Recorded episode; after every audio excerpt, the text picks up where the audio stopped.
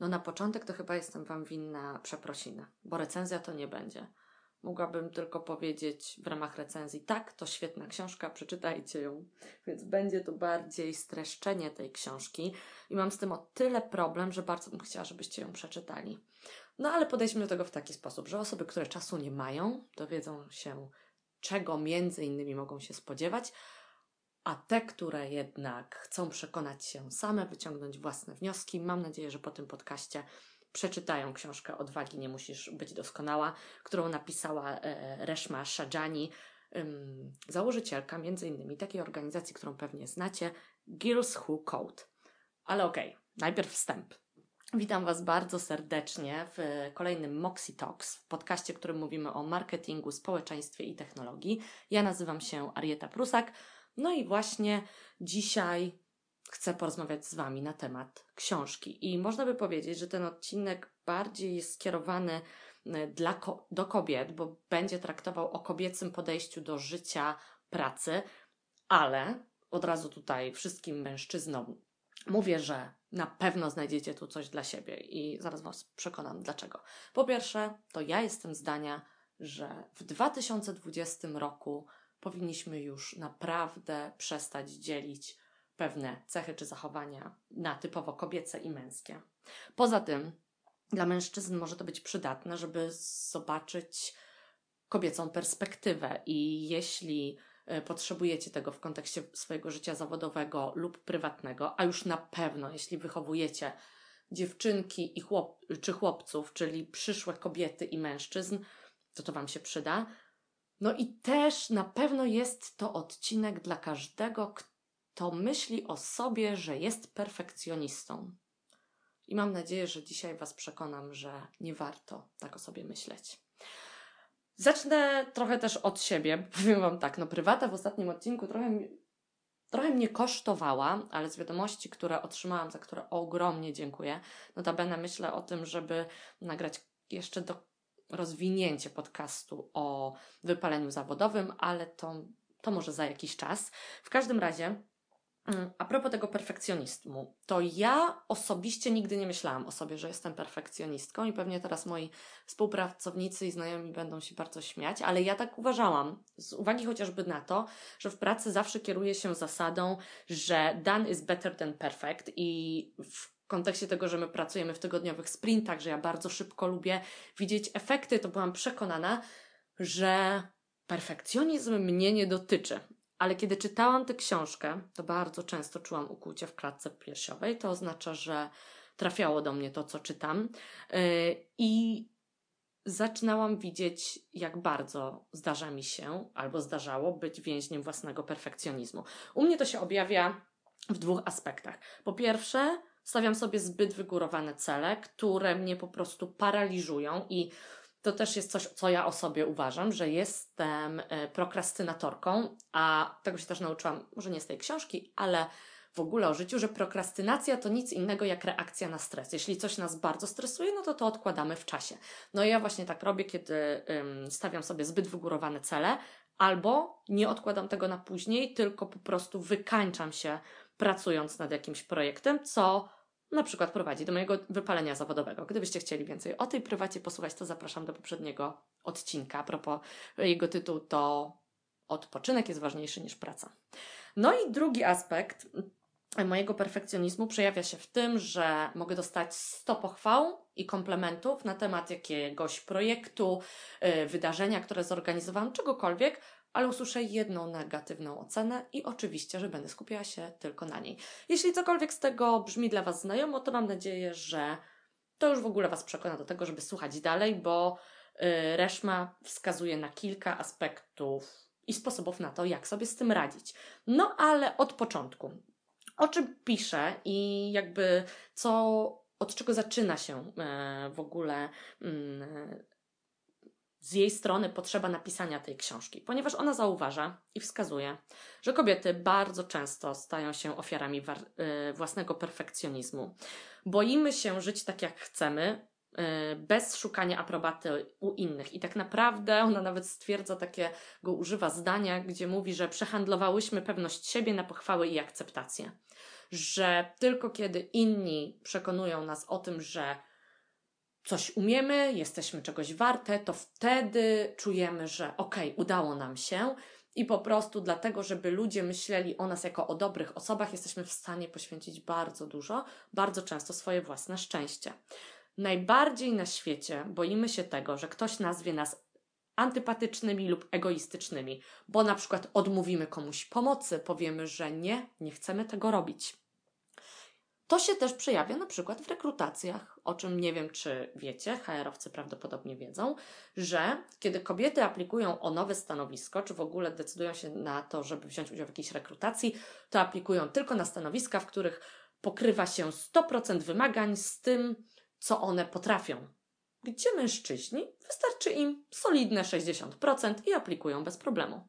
Kobiety zdecydowanie rzadziej negocjują wyższe wynagrodzenie w miejscu pracy, w którym już pracują. I teraz to, mam nadzieję, też jest zna, Wam znany fakt, że niestety, ale bardzo często kobiety na tych samych stanowiskach zarabiają mniej niż mężczyźni. I słuchajcie, to bardzo często wynika z tego, że kobiety po prostu proszą o. Nie, że proszą o mniejsze wynagrodzenie, tutaj nie, źle, to, źle o tym powiedziałam. Po prostu ich oczekiwania są niższe niż mężczyzn. A jeśli przepracują y, już jakiś okres y, w firmie, to same z siebie bardzo rzadko przychodzą do swoich przełożonych, by wymagać wynagrodze- y, podniesienia wynagrodzenia. Nawet tutaj nie mówię o proszeniu o, wynag- o zwiększonym wynagrodzeniu, tylko wskazać, że im się to należy. No jesteśmy po prostu wychowywane na grzeczne dziewczynki i to z tego to wynika. I słuchajcie, dlaczego to jest problem? Bo jak mówi Reszma, grzeczność nie zapewni nikomu ani awansu, ani tym bardziej podwyżki. I w kontekście życia zawodowego to, że nie możemy być grzecznymi dziewczynkami, jest bardzo istotne. Słuchajcie, mm, to są jakby fakty i kwestie, które ona opisuje, i też bardzo Was zachęcam do przeczytania książki, bo po, y, opiera się na mm, wielu raportach i pokazuje wiele statystyk. Ja właśnie specjalnie ich nie podam, żeby Was przekonać do przeczytania. No ale możecie powiedzieć, dobra, dobra, to jest generalizowanie, tak się nie dzieje.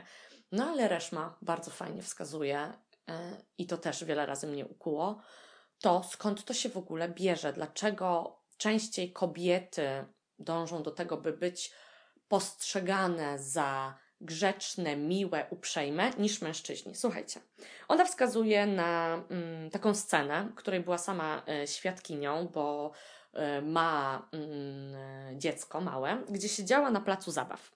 No i jak obserwujemy dzieci na placu zabaw, to słuchajcie, to co zauważyła Reszma, ale myślę, że też jeśli mamy tutaj rodziców, starsze rodzeństwo, które mnie słucha, to też zwróćcie na to uwagę. Przede wszystkim zaczyna się od stroju. Jeśli dziewczynki są na placu zabaw yy, albo na zewnątrz, to bardzo często noszą sukienki, yy, rajstopki, no po prostu ładne, yy, niestety często też różowe stroje, tak? No i co to oznacza? Że nie mogą się pobrudzić i bardzo często to do, to do dziewczynki mówi się, żeby nie pobrudziła y, sukienki. Jeśli chłopiec jest cały umorusany, zdecydowanie normalny chłopak, nie? Ale okej, okay, ona to mówi o takiej sytuacji, że no przecież jeśli dziewczynki mają te sukienki, to na przykład nie będą się wspinały na drabinki, nie? Albo na duże zjeżdżalnie, żeby zjechać i po prostu poczuć adrenalinę no bo kurczę, y, będzie to źle wyglądało. Więc to chłopaki wspinają się po prostu, skaczą, zdobywają najwyższe po prostu drabinki i zjeżdżają na tych zjeżdżalniach, bo spodnie mogą im się pobrudzić. A co się dzieje z dziewczynkami? Siedzą obserwowane y, grzecznie przez mamusie w piaskownicy, e, gdzie e, mamy pilnują tego, by ich babki były idealnie uformowane, żeby nie zabierały grabeczek e, koleżance obok i żeby generalnie były miłe i ułożone. Inny przykład. Kiedy dziewczynki się czegoś boją, nie namawiamy ich do tego, żeby ten strach pokonały, tylko mówimy: OK, boisz się? Dobra, nie musisz tego robić. Jeśli chłopcy się czegoś boją, Idziesz, nie poddawaj się, spróbuj. I ona też podaje bardzo fajny przykład, gdzie byli w mm, jakimś parku rozrywki tam była duża zjeżdżalnia. I pierwsza reakcja dzieci, bez znaczenia jaka była ich płeć, była taka, że oczywiście, że się boją zjechać, kiedy są już tam na samej górze. No i co robił pan, który obsługiwał jakby tę całość? Kiedy byli to chłopcy, to rodzice krzyczeli z dołu: Pchnij go, pomóż mu, albo on to robił w ogóle sam naturalnie. I pomagał chłopakom zjechać z tej zjeżdżalni, a oni później byli super dumni. Kiedy to się działo z dziewczynkami i one się bały, co też było reakcją pierwszą u chłopców, no to reakcja pana, który obsługiwał zjeżdżalnię była taka, że okej, okay, nie musisz. I ona wtedy wskazuje, że czy to była ona, albo może jakaś jej znajoma, która to opowiadała, nie chcę teraz was mm, skłamać, ale mówi, że pchnij ją y, o swojej córce, która też się bała zjechać. I po prostu wszyscy inni naokoło rodzice patrzyli na nią jak na wariatkę, na matkę, która po prostu nie ma żadnej czułości wobec swojego dziecka. Inny przykład, który podaje Reszma, taki, że ona na takiej stronie, która się nazywa storyguide.com, notabene dla nauczycieli może być ciekawa, bo tam właśnie szuka się mm, książek pod kątem zajęć. Y, szukała książek pod hasłem odwaga. I co się okazało? Na 17 pozycji, które znalazła, w czterech kobiecym głównym charakterem była kobieta. Y, znaczy, głównym charakterem były y, dziewczynki czy postacie żeńskie 13 pozycji, czyli zdecydowaną większość, yy, opisywały po prostu męskie e, postacie. Nielsen w 2017 Nielsen, Nielsen, przepraszam. E, Nielsen w 2017 roku przebadał 100 najpopularniejszych książek dla dzieci. I co się okazało? Że rolę przywódców dwa razy częściej odgrywali w nich mężczyźni. Kiedy się zastanowicie w ogóle nad książkami dla dzieci, to bardzo często tam też bohaterami są zwierzęta. I teraz, zwierzęta, które są silne, odważne, takie jak na przykład niedźwiedzie, lwy, no to są postacie męskie. A delikatne, strachliwe, owady, ptaszki, bardzo często postacie żeńskie. I słuchajcie, dlaczego to jest ważne? Bo tutaj się posłużę cytatem z tej książki. I tak jak e, Reszma wskazuje, nie można zostać kimś, o kim się nie słyszało. Więc dziewczynki nie marzą o tym, by być przywódcami, by po prostu zdobywać i by walczyć o swoje, bo nie słyszą takich historii.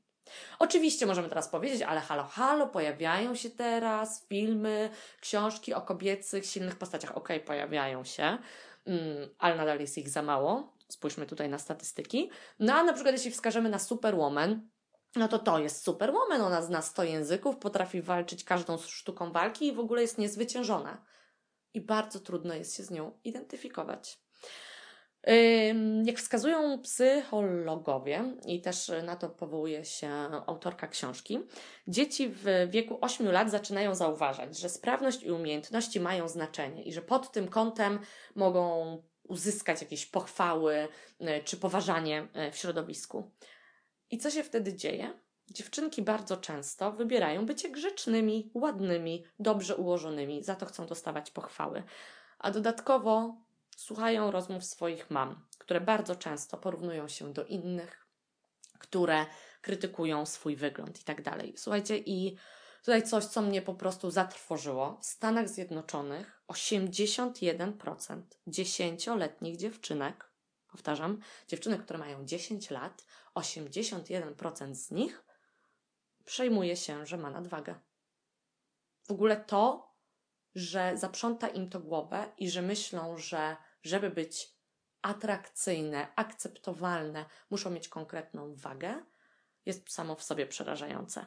I też powołuje się e, w tej książce autorka na wywiady z trenerami, którzy mówią, że muszą bar muszą, kiedy mm, trenują z dziećmi, zwracać uwagę na to, co mówią dziewczynkom, mm, a co mówią chłopcom. I teraz co się okazuje? Jeśli chłopiec przegrywa, no to jego postawa jest taka trudna, spróbuję jeszcze raz. Przecież to tylko gra. I zresztą zastanówcie się a propos zabaw dla dzieci. Chłopcy grają w piłkę, w gry zespołowe, dziewczynki mają bawić się w dom, tak? I tutaj to też trzeba zwrócić na to uwagę. Więc jeśli chłopak przegra, to jego postawa bardzo często jest taka, że przegrałam, przegrałem, okej, okay, spróbuję jeszcze raz. W momencie, kiedy przegrywa dziewczynka, jej postawa bardzo często przeraża, przeradza, przeraża się, no mnie to przeraża, przeradza się w postawę pod tytułem Jestem beznadziejna. Po co w ogóle próbowałam? Nie będę ryzykować po raz kolejny. I tak to wygląda w pierwszych latach życia, w dzieciństwie, a później przechodzi w dorosłe życie. I jakie to ma konsekwencje? Wspomniałam o tej nadwadze u dziewczynek. mm, o tym lęku, o nadwadze. E, I tutaj w książce pojawia się takie, mm, pojawiają się takie dane, które mówią o tym, że kobiety w roku poświęcają 127 godzin na martwienie się swoją wagą i wyglądem. To statystycznie jest rok życia. I to oczywiście też obserwują dziewczynki. Notabene, nastolatki, czego się dowiadują z Instagrama? Co zdobywa najwięcej lajków? Idealne ciało. Które już nie mówiąc o tym, że jeszcze dodatkowo jest podrasowane i sztuczne, więc ten standard, do którego próbują dążyć, jest wręcz nieosiągalny. Yy, ponieważ przehandlowałyśmy pewność siebie za pochwałę i akceptację, do mnie to bardzo mm, trafia, bo ja faktycznie czytając tę książkę też sobie, tutaj sobie pozwolę na taką prywatę, zdałam sprawę, że jak to u mnie wyglądało w dzieciństwie. No ja byłam idealną, miałam być oczywiście idealną wnuczką i idealną córką, więc jak na wakacje jeździłam do babci, to przyjeżdżałam zawsze ze świadectwem, świadectwem z paskiem, za które to świadectwo z paskiem dostawałam nagrodę w postaci jakichś nowych ubrań, czy Discmana, o którym marzyłam, cokolwiek. Yy, no i jeszcze dodatkowo w pierwszych dniach mojego pobytu, yy, jak z babcią chodziłyśmy odwiedzić krewnych czy znajomych, no to co się działo? Ja musiałam pokazać swoje świadectwo z paskiem. Yy, I mi się wtedy to wydawało po prostu fantastyczne. Do czego to doprowadziło? No do tego, że na przykład w dorosłym życiu definiowałam siebie przez bardzo długi czas przez pryzmat mojej firmy, tego jakie ma przychody, jakie ma wzrosty, ile osób jest w zespole, y, nadając sobie po prostu niewyobrażalne tempo i do czego to doprowadziło? Do mojego wypalenia zawodowego. Znowu odsyłam do poprzedniego podcastu, jeśli Was by to interesowało. Y, no i mogę Wam też powiedzieć, że tak, to akurat nie w efekcie czytania tej książki, ale notabene ona też mi pokazała, że jest jeszcze wiele rzeczy, które muszę przerobić, ale ja po roku mm, terapii, na którą zgłosiłam się po to, żeby walczyć z pracoholizmem, zdałam sobie sprawę, że ja bardzo często jestem, tak jak w dzieciństwie, kiedy startowałam w wielu konkursach, yy, nadal staję do konkursów, tylko że to są konkursy w mojej głowie, w których to ja jestem jedyną uczestniczką i jeszcze dodatkowo jedynym sędzią. I to jest, słuchajcie, dla mnie bardzo smutne odkrycie, a z drugiej strony daje mi też siłę, bo uświadomiłam sobie, że tak naprawdę nikogo nie obchodzi to, co ja robię. I to, jeśli to ja też tylko to oceniam, to tak naprawdę mogę bardzo często redefiniować siebie, to jak definiuję swój sukces yy, i po prostu to też, jeśli wyjdę z tego konkursu i z tego jury, daje mi dużą wolność. No ale to jest cały czas work in progress. Ok, koniec z tą prywatą.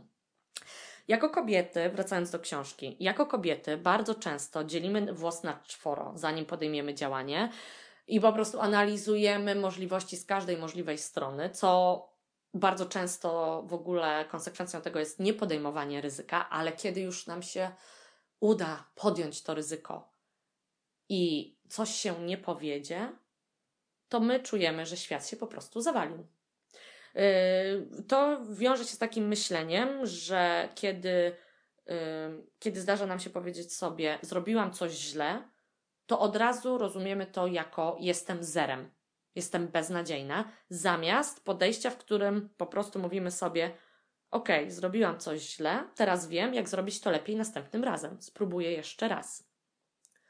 Bierzemy też, ponieważ chcemy być idealne i dążymy do pochwał i zadowolenia otoczenia, to bierzemy na siebie za dużo i w pracy, i w domu.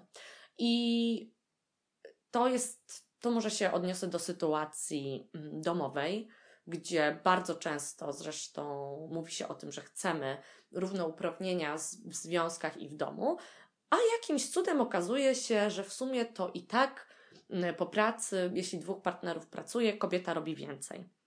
I słuchajcie, to też wynika z tego, że jesteśmy wychowywane na grzeczne dziewczynki, bo y, tym byciem idealną i właśnie tym perfekcjonizmem, do którego dążymy, nie jesteśmy w stanie sobie odpuścić. Ani w pracy, gdzie musimy mieć idealne wyniki, ani w domu, gdzie wszystko musi być idealnie posprzątane, idealnie wyglądać. Tutaj pewnie you can relate, możecie się do tego odnieść. Święta. Kto z Was nie śmieje się albo nie rozumie, albo jest zestresowany taką sytuacją, że przyjeżdżacie do domu rodzinnego i mama po prostu, nie dość, że już ma pięć sałatek narobionych, to jeszcze dziesięć kolejnych dań do zrobienia, jest po prostu poddenerwowana, zmęczona, wykończona, ale nie potrafi w ogóle odpuścić. I zastanawiacie się, patrząc z boku, o co w tym wszystkim chodzi. Tutaj bardzo serdecznie pozdrawiam moją mamę, która na pewno, mam nadzieję, odsłucha tego podcastu i z której jestem ogromnie dumna, bo pamiętam święta jako dziecko, kiedy po prostu mama jeszcze na kolanach 10 minut przed kolacją pastowała podłogi i siadała wykończona i jeszcze potrafiła zobaczyć tę plamkę na podłodze, gdzie gdzieś coś nie jest dorobione, a teraz mówi sprzątać przed świętami? Posprzątam sobie innym razem. 12 potraw? Pff, herbata to też jest potrawa. I to, jak zmieniło się podejście mojej mamy w, tym, w tej sytuacji, przekłada się całkowicie na całą rodzinę. Święta nie są stresem, przynajmniej pod kątem organizacji, a po prostu naprawdę możemy się zrelaksować. Dlatego, mamo, dziękuję, świecisz przykładem. No ale, drogie panie, która z Was mogłaby na przykład się do takiej sytuacji odnieść, że czy w ogóle mężczyźni, jeśli cały czas słuchają, mam nadzieję, Słuchajcie, to przecież nie jest tak, narzekając na przykład, że o mój facet nie zrobi tego, nie potrafi tego, tralalala. To nie jest prawda, że twój partner nie może posprzątać e, w domu lub zrobić dzieciom kanapek do szkoły. Oczywiście, że może. Tylko nie zrobi tego tak dokładnie i idealnie jak ty. A jeśli nie zrobi tego idealnie, więc co zrobisz ty? Zrobisz to za niego i będziesz mieć kolejne zadanie.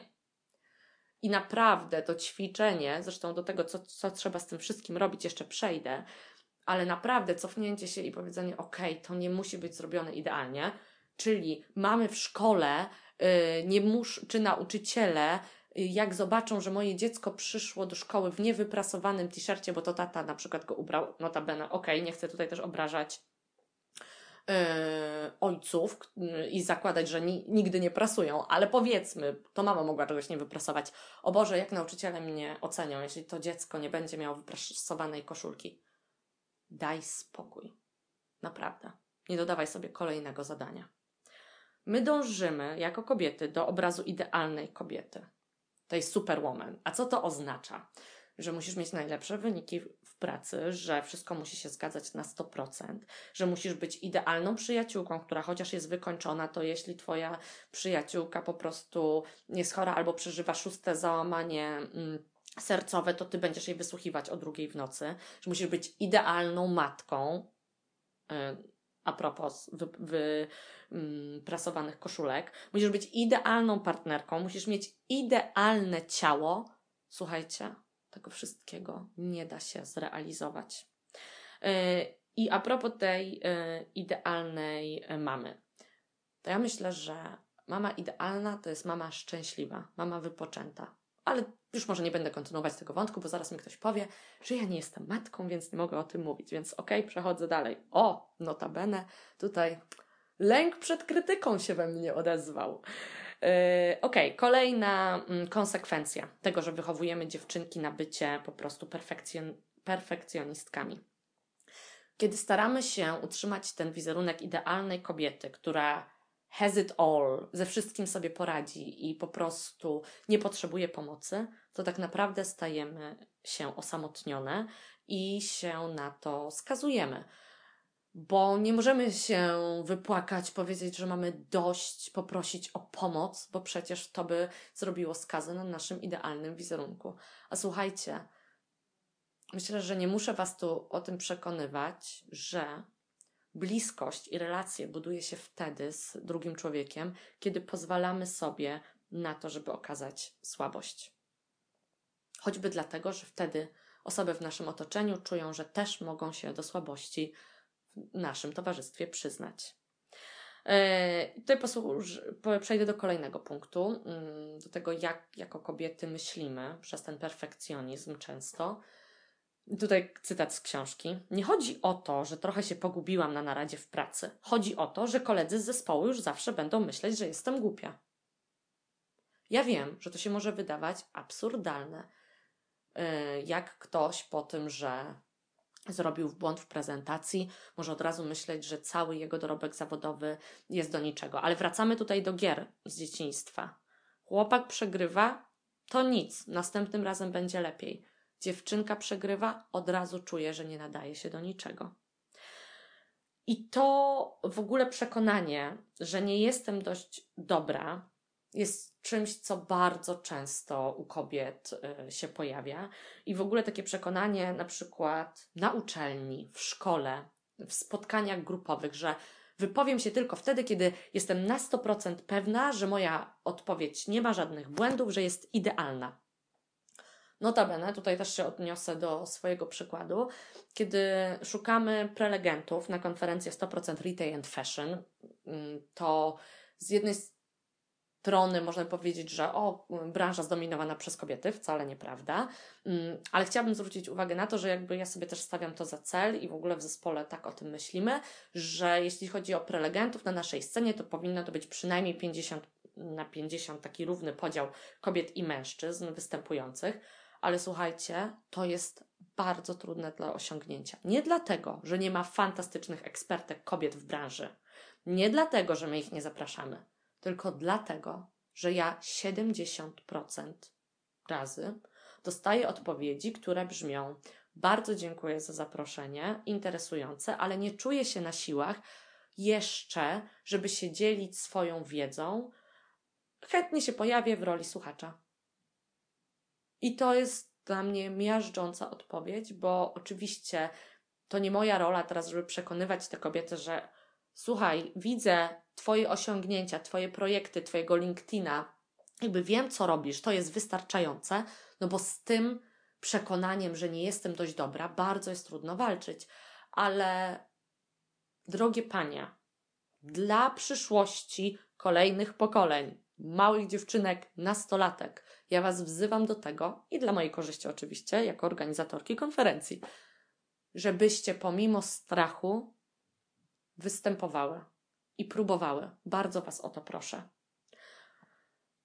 I tutaj przechodzimy do ostatniej części, e, w której e, chciałabym, myślę, że w ogóle już to, co, co mówiłam i to, co Reszma wskazuje w książce, jakby przekonuje Was jest, wiecie o tym, że te postawy nie są konstruktywne, no ale dlaczego to wszystko, to, że tak wychowujemy mm, dziewczynki, to, że tak jako kobiety zachowujemy się w środowisku pracy czy prywatnie, jest niebezpieczne. I tutaj się znowu posłużę cytatem, który też mnie zakuł, jak to przeczytałam. Być może wy to już wiele razy słyszeliście, ale słuchajcie czekając, że chirurg będzie absolutnie pewien, że podejmie właściwą decyzję podczas operacji, pacjent może wykrwawić się na śmierć. Tyle, kropka. Nie ma rozwiązań idealnych. Nie można czekać na rozwiązania idealne i na to, aż będę alfą i omegą. Bo jedyne, co jest w życiu stałe, to to, że czas płynie i go nie mamy.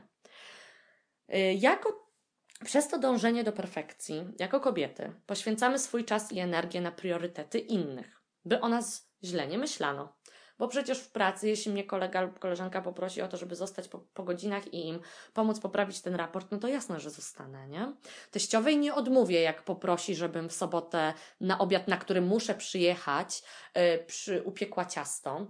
Chociaż jestem tak wykończona po całym tygodniu pracy, że naprawdę chciałabym po prostu pójść do cukierni i kupić to ciasto. Przyjaciółce nie odmówię, jeśli yy, chcę mm, wyjść, spotkać się i porozmawiać o szalonej godzinie. Dzieciom przecież też nie odmówię, yy, jeśli chcą, żeby im poczytać, czy po prostu się z nimi pobawić, choć jestem wykończona. A i tutaj też Reszma wskazuje na to, i ja się też znowu odniosę do tego, że najlepsza mama to jest szczęśliwa mama, a poza tym chodzi tutaj też znowu o budowanie postawy i pokazywanie dzieciom, że czasami można powiedzieć nie i przełożyć to po prostu na inny moment. Zamiast skupiać się na tym, czego chcemy, czego potrzebujemy, na tym, co dla nas jest priorytetem, próbujemy sprostać wymaganiom które myślimy, że inni mają wobec nas, albo jakimś szalonym, które same sobie stawiamy. I Reszma opisuje takie dwie postawy, jedną bardzo destrukcyjną, a drugą bardzo rozwojową. I jedna to jest właśnie postawa sztywna, która y, odznacza się tym, że myślimy, że jestem albo inteligentna, albo nie. Jestem w tym dobra, albo jestem w tym beznadziejna. Generalnie w, mm, jest to postawa, która charakteryzuje się lękiem przed porażką. Osoby, które tę postawę um, uosabiają, bardzo często za wszelką cenę chcą tylko zataić braki, które mają, zamiast przejść do postawy rozwojowej, która jest bardzo pozytywna, która jest właśnie nastawiona na rozwój, która ma w sobie zgodę na popełnianie błędów i proszenie o pomoc. I teraz znowu, sztywna wobec rozwojowej. Sztywna to skupienie na wynikach. Rozwojowa skupia się na procesie. To, co mówiłam wcześniej, jestem beznadziejna, nic nie zrobię, nie zrobię tego ponownie, mm, tylko się w tym utwierdziłam, to jest postawa sztywna. Postawa rozwojowa, ok, zrobiłam to źle, zrobiłam taki i taki błąd, w następnym projekcie już ich nie popełnię. E, postawa sztywna będzie nastawiona na nieosiągalne cele. Tutaj chciałabym siebie pozdrowić, kiedy sobie daję zbyt duże targety, a rozwojowa będzie pragnąć sukcesu, oczywiście, i rozwoju, ale nie za wszelką cenę. Nie będzie y, skupiona, tak jak sztywna, na abstrakcyjnym ideale, który jest po prostu niemożliwy do osiągnięcia.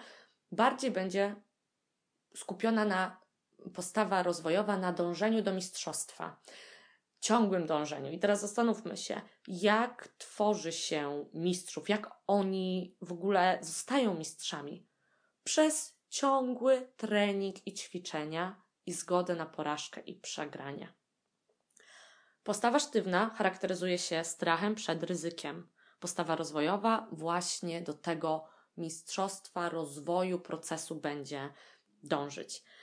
W postawie sztywnej, słuchajcie, wykańczamy siebie, bo mamy zbyt wysokie wymagania. W postawie rozwojowej wspieramy innych, bo prosimy ich o pomoc, dajemy im możliwość też rozwoju. No i nie mówiąc już o tym, że rozwijamy siebie. Y, z powodu tego strachu przed y, byciem nieidealną, uprawiamy też bardzo często mikromanagement w pracy i w domu. A propos domu, to już dawałam Wam przykład. Bo jak mówi Reszma, potrzeba odwagi, by oddać część kontroli i zacząć delegować zadania. I tutaj ja nie będę bardzo wchodzić znowu w prywatę, ale powiem Wam, że no te 2-3 lata temu to mikromanagement, który ja uprawiałam, był naprawdę na ogromnym poziomie i to było tak destrukcyjne z wielu powodów, ze względu na to, że ja miałam więcej obowiązków i po prostu dzień pracy się dla mnie nie kończył. I jeszcze dodatkowo mój zespół otrzymywał ode mnie taki sygnał, że nie jesteście wystarczająco dobrzy, ja zrobię to lepiej. No i gdzie teraz jestem? W pracy zdalnej z zespołem, gdzie bardzo często, jak ktoś mnie pyta, pierwsze pytanie a propos pracy zdalnej to jest takie, ale jak ty sprawdzasz, czy oni na pewno pracują? No ja tego nie sprawdzam. Interesuje mnie efekt a nie to, czy ktoś przepracował 8 godzin. No i właśnie ten yy, mikromanagement też, czy w ogóle do, dążenie do perfekcji sprawia, że w projektach, które prowadzimy, zamiast zgodzić się na to, że 90-80% będzie naprawdę bardzo dobre, to my po prostu idziemy w to 100. Jak tych 100% nie osiągniemy, to po prostu uważamy, że wszystko strzeliło. No i oczywiście też bagatelizujemy swoje osiągnięcia, bo kiedy osiągamy to, do czego dążyłyśmy, to skupiamy się na tym, że coś było nieidealnie. ale się zrobiło negatywnie od dzieciństwa, przez pracę, życie prywatne. No po prostu wszystko źle. No nie, no oczywiście nie jest tak negatywnie, bo przede wszystkim, jak sobie zdiagnozujemy problem i zauważymy, że on istnieje, to możemy coś z nim zrobić. No i też Raszma po to podaje te wszystkie przykłady, żeby przekonać nas do tego, że musimy porzucić ten nieosiągalny ideał i zdobyć się na odwagę w byciu nieidealną. Jak to zrobić? Jana mówi wprost: ćwicz mięsień odwagi, bo to wymaga ćwiczeń, bo jak Wam pokazałam przez dzieciństwo i to, jak społecznie bardzo często tworzony jest y, wizerunek kobiet, no to ta odwaga nie jest dla nas mięśniem takim, który po prostu jest w nas mm, rozwijany od dzieciństwa, więc musimy go ćwiczyć. No i jak go ćwiczyć? Kto w ogóle, jak ta odwaga się przejawia, do której ona mm, namawia? Przede wszystkim odważna jest każda osoba, która potrafi powiedzieć nie, która potrafi odmówić, która zaryzykuje, że okej, okay, może mm, osoba, która prosi mnie o pomoc, stwierdzi, że może już nigdy o nią nie poprosi, chociaż nie sądzę, bo stawianie granic naprawdę w kulturalny sposób to nie jest nic złego. Ale okej, okay, no może ktoś się na nas obrazi, no i co? To nie jest koniec świata. E, kiedy prosimy o pomoc, to też jest ogromny akt odwagi. Powiedzenie: Jestem wykończona, nie mam siły, proszę cię, wykąp dziś dzieci, połóż je spać, czy po prostu w pracy, mówiąc, że potrzebuję pomocy w tym projekcie. Tutaj pozdrawiam mamę, chcę pozdrowić zespół teraz, bo naprawdę muszę powiedzieć, że udało nam się bardzo i cały czas nad tym pracujemy. Kreować taką postawę, żeby właśnie mówić: nie mogę, mam za dużo, nie jestem w stanie tego wykonać na przykład w takim terminie, albo potrzebuję pomocy kogoś z zespołu. Tu znowu, a propos tego, że to jest postawa rozwojowa, to właśnie umożliwia innym też rozwój i wyciąganie wniosków. Jak jeszcze ćwiczyć mięsień odwagi? Podejmuj decyzje według własnych priorytetów, według tego, co ty czujesz, że jest dla ciebie istotne. I pamiętaj też, że te priorytety mogą się zmieniać. Nie można być odważnym, kiedy jest się wykończonym. Tak mówi Reszma.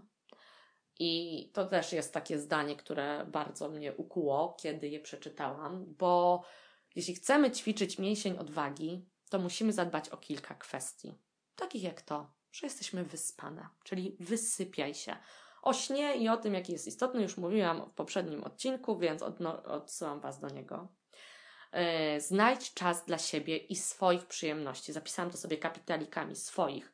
Nie tego, co Twoja rodzina, przyjaciele, współpracownicy uważają za rozrywkę. Tego, co Ty najbardziej lubisz robić. Medytuj. To jest kolejny punkt, bo dzięki temu mm, zdobędziesz czystość umysłu i będziesz faktycznie w stanie ocenić, czy okej, okay, to jest dla mnie ważne, czy to naprawdę ma sens, czy po prostu biegnę y, w jakimś wyścigu szczurów i to nie ma sensu. Znajdź y, aktywność fizyczną, którą lubisz, bo widząc postępy lub swoją konsekwencję w tym, że po prostu pojawiasz się na tej siłowni czy na macie, pozdrawiam wszystkich joginów, moje ostatnie odkrycie, zaczniesz budować pewność siebie, bo zaczniesz widzieć y, postępy w tych aspektach i po prostu będziesz to przekładać na kolejne kolejne dziedziny swojego życia. E, I a propos tego wysypiania się, czasu dla siebie, ćwiczeń, medytacji i dążenia do bycia superwoman. Dziewczyny, kobiety, nie musicie robić tego wszystkiego. Znajdźcie coś, co Wam pomaga uwolnić stres, zatrzymać się i po prostu zobaczyć, co dla Was jest ważne.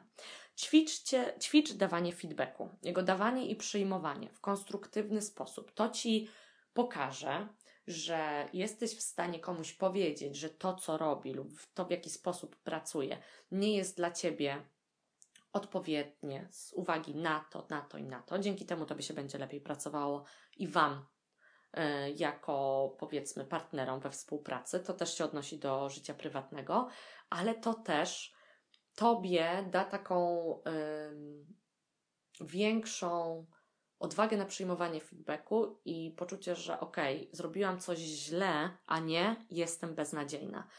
Tutaj a propos feedbacku odsyłam Was też do odcinka, który nagraliśmy na temat konstruktywnego feedbacku, bo a propos zawodowego podejścia, to myślę, że w Moxie wypracowaliśmy sobie bardzo bezpieczny taki sposób na dawanie feedbacku. To naprawdę przekłada się na lepszą pracę. Przedostatni punkt. Zapytaj siebie, czy to ma wartość dla mnie. Jeśli myślisz o jakimś projekcie, zadaniu, które masz wykonać. I pamiętaj też, że to, co ma dla ciebie wartość, już o tym zresztą mówiłam, ale może się zmieniać. Nie ma w tym nic złego. Właśnie o to też chodzi, żeby się zatrzymać, zastanowić, do czego perfekcjonizm nas y, doprowadził, albo w jakich pułapkach nas trzyma, i mieć w sobie odwagę, żeby powiedzieć: dosyć, nie chcę już tego, nie chcę w taki sposób pracować, nie chcę w taki sposób żyć, nie zgadzam się na to. I coś, co jest po prostu moją ukochaną radą. Naucz się mówić jeszcze. Czyli na przykład, jeszcze nie jestem odważna, jeszcze nie potrafię powiedzieć nie, jeszcze nie mam skłonności do podejmowania ryzyka, jeszcze mi się nie udało. Czyli znowu, a propos postawy sztywnej, nie jestem taka i taka, tylko jeszcze nie potrafię tego i tego. Jeszcze sprawia mi to trudność. To jest kwestia, myślę, że to najbardziej obrazuje w ogóle to, do czego jakby to wszystko zmierza, żebyśmy były dla siebie dobre i wyrozumiałe. Bo, i tutaj cytat na zakończenie, trzeba odwagi, by pozbyć się dziewczynki idealnej i wymienić ją na nową, odważną kobietę. I bycia tymi odważnymi kobietami i mężczyznami, którzy porzucają niebezpieczny perfekcjonizm najbardziej na świecie Wam życzę. I chciałabym Was zapytać, jakie Wy macie sposoby na walczenie z własnym perfekcjonizmem, bo tutaj wskazałam kilka porad z książki, ale jestem przekonana, że macie ich jeszcze wiele. Dajcie w ogóle znać, czy takie tematy Was interesują, czy odcinek, który ma 40 minut, nie jest za długi. Bardzo Wam dziękuję za to, że mm, dajecie znać y, i, i odpowiadacie na, czy w wiadomościach prywatnych, czy w komentarzach na to, y, co publikujemy. I mam nadzieję, że pomimo tego, że bardzo dużo rzeczy na temat tego, co się w książce znajduje, Wam powiedziałam, to przede wszystkim przekonałam Was do tego, żeby ją przeczytać, bo tak jak ja miałam oh, ból czy ciśnienie w klatce piersiowej, kiedy czytałam niektóre cytaty, to myślę, że każdy ze względu na to, że każdy z nas ma indywidualną historię i doświadczenia, o, ale odkrycie, każdy znajdzie dla siebie inne przykłady i inne rady, które pomogą mu jej być bardziej odważnym i wyrozumiałym dla siebie. Bardzo serdecznie was, dziękuję, Wam dziękuję i zapraszam do kolejnego odcinka Moxie Talks.